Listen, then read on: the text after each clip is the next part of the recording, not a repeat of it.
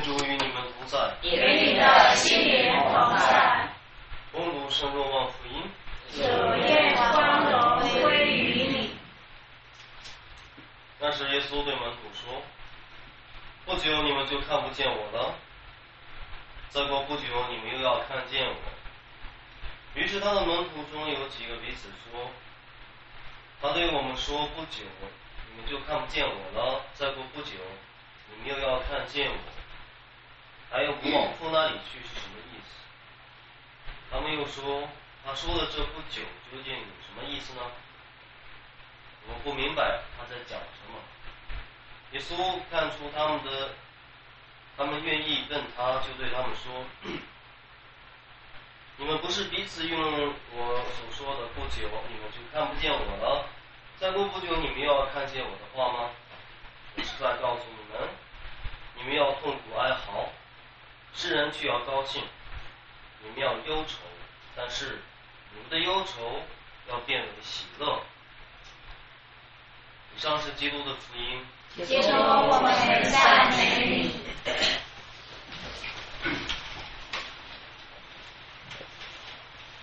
所以耶稣还是在这个晚餐里面跟门徒们在讲这一段话。不久你们就看不见我了，再过不久你们又要看见我。然后门徒不明白他在讲什么，因为门徒不明白耶稣即将受的苦难，在他们的头脑里边，啊，耶稣还不是一个受苦的模西亚。耶稣看他们想问他的意思，所以呢，就给他们解释。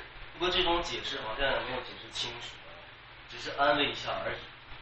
啊耶稣没有告诉他们说我马上要受苦难了，然后要死了。然后又要复活，所以就会再见你们，而是告诉他们，那你们要痛苦，然后呢，你们的痛苦要变为喜乐。实际上，耶稣说不久就离开你们的意思就是，那耶稣不久就要去世了嘛。耶稣是在最后晚餐说的这话，所以马上他就要面临被捕、受难和死亡。那这个是他们看不见耶稣的意思。然后再过不久呢，他们又会看见，那就是再过三天耶稣复活了，所以他们又要看见。所以那个时候他们是喜乐的，尽管耶稣受难的时候他们是忧愁的。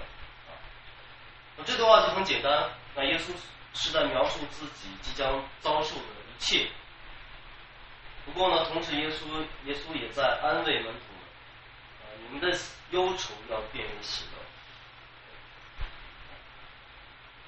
不过耶稣好像从来不只是，耶稣不只是在他受难跟复活的这个这一过程里头，呃让我们看不见又看见。其实耶稣这个人，包括天主本身，从来都是啊这个若隐若现，从来都是有的时候显现出来了，有的时候又没有了。所以我们现在在灵修里边。或者在神学上特别讲，天主的临在方式是不在，这是很相反逻辑的东西。那这就是我们的灵修的经验。天主往往是以不在的方式临在，明白吗？不明白。啊，His presence is absence。他的临在就是不在，为什么？这是非常重要的，虽然我不明白，那因为你们经验了就会明白，所以你没有经验嘛，所以我说一百说。不过很重要，至少你们现在要知道，有一天你们经验了啊，你们会想起我的话啊，想起耶稣的话。什么意思呢？就是耶稣，比方说，我举一个例子，耶稣显现给厄马乌尔图。那厄马乌尔图那个时候经验着耶稣的不在，所以他们是忧愁，是不是？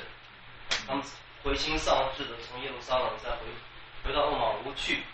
那么耶稣靠近他们了，跟他们同行，是不是耶稣在？但是他们并不知道那是耶稣，他们并没有意识到耶稣在。OK，虽然耶稣真的在，但是没有，他们没有意识到，而是慢慢的通过。耶稣给他们解释，通过掰饼，他们认出耶稣来了，对不对？那个时刻耶稣在了，真的，他们自己感觉到耶稣在了。但是那个时刻发生了什么事情？耶稣不见了。对，这就是天主。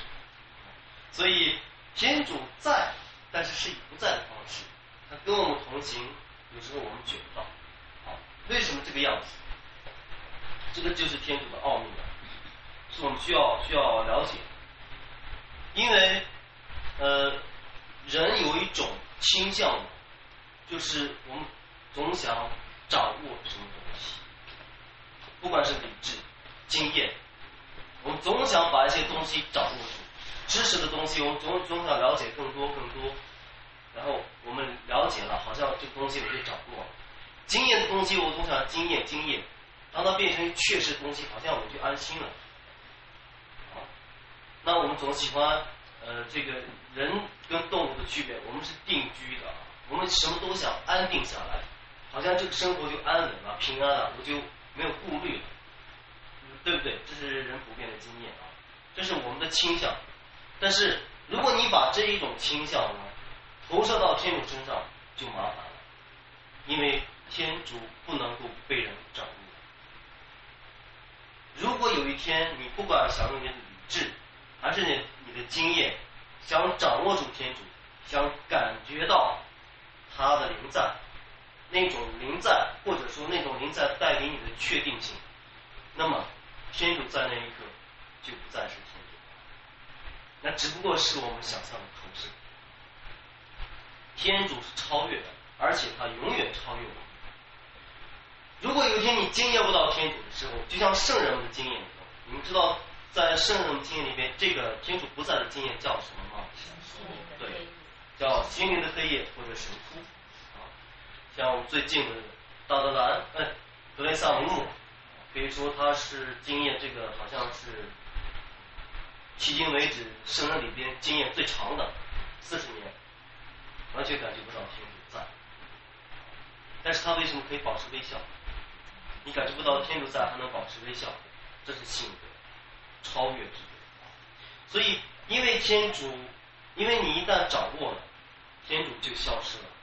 在圣经里面有一个非常重要的图像是玛纳，玛纳就像我们现在的盛世一样。就是天主图像的一个反应。玛纳是怎么回事？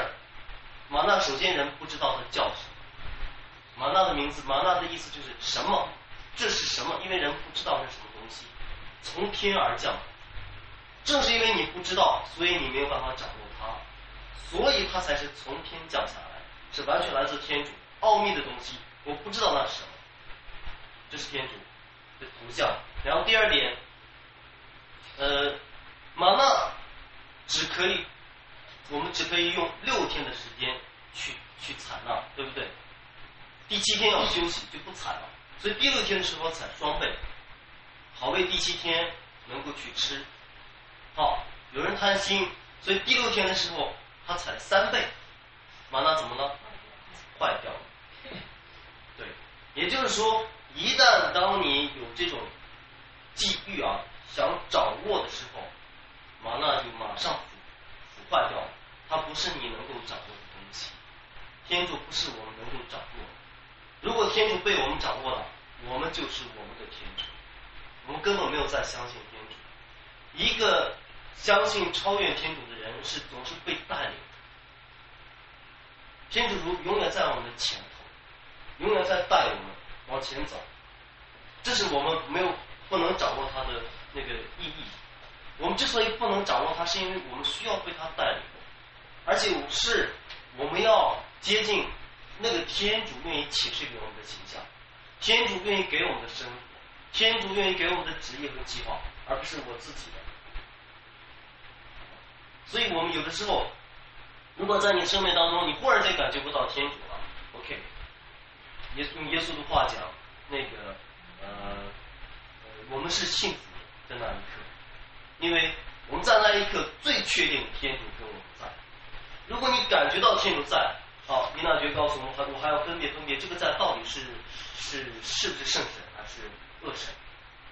如果你感觉不到天主在的话，那一刻也许可以肯定天主真的在你身边，而且那一刻天主正在让你学习，你去发现什么是天主的旨意，你去发现天主带领你的方式，你去发现天主要显示给你的真实的面孔。所以，你如果你感觉不到天主的话，如果你有神枯、你心灵的黑夜的话，那你就往成圣道路上前进一步。这个是天主往前带我们走的一个记号。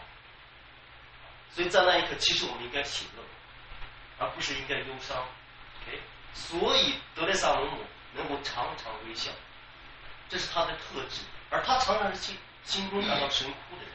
一个神枯的人为什么可以常常微笑呀？这就是世俗所没有办法理解的部分。这就是圣德的所在，因为他真的知道天主在，他真的被天主带领，他确定天主带领他，所以他是喜乐的，他不需要。那么忧伤，你看忧伤跟喜乐可以重叠在一起，在一个圣人身上，我们也是一样，所以我们今天也可以翻译这句话。啊，耶稣片刻不在，片刻又来，所以我们应该常常喜乐。耶稣说，我要让他要让我们的喜乐变得满足，变成圆满的，这是他要带给我们的那一个呃最终的幸福，所以我们。啊，这个这句话常常记在心里边，也许我们生活就不会那么糟糕，至少我们不会感觉到。